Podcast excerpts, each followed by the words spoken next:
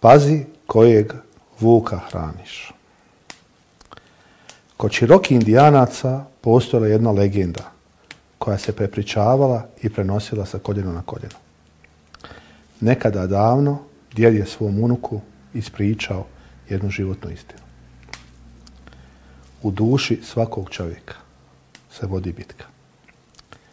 Ona nalikuje žestokoj borbi između dva vuka u duši svakog od nas, svakodnevno.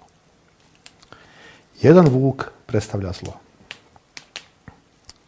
Predstavlja bijes, zavist, ljubomoru, žaljenje, pohlepu, aroganciju, sažaljenje krivicu, grijeh, srđbu, inferiornost, laž, lažni ponos, egoizam.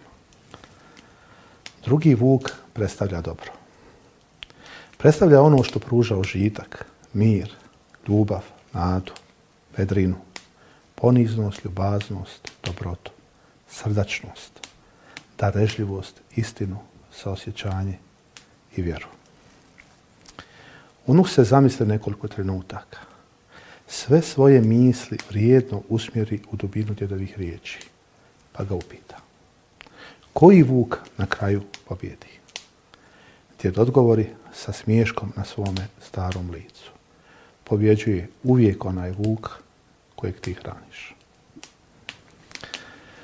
Misli pozitivno i osjećaš se pozitivno.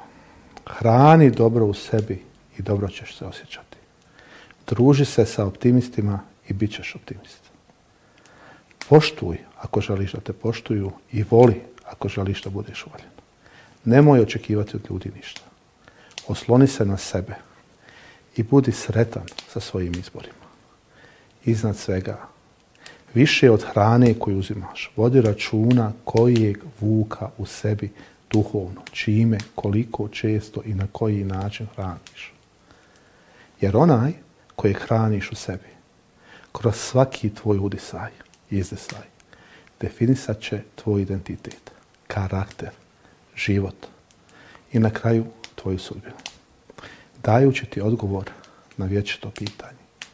Da li si i u kojoj mjeri sretan? Bitka za sreću vodi se svakog dana. Život je samo 10% onoga što nam se dešava, a 90% kako mi reagiramo na to što nam se dešava. I uvijek je do nas. Sreća ne zavisi od naših vanjskih okolnosti. Ona je uvijek bila inside job, unutrašnji posao.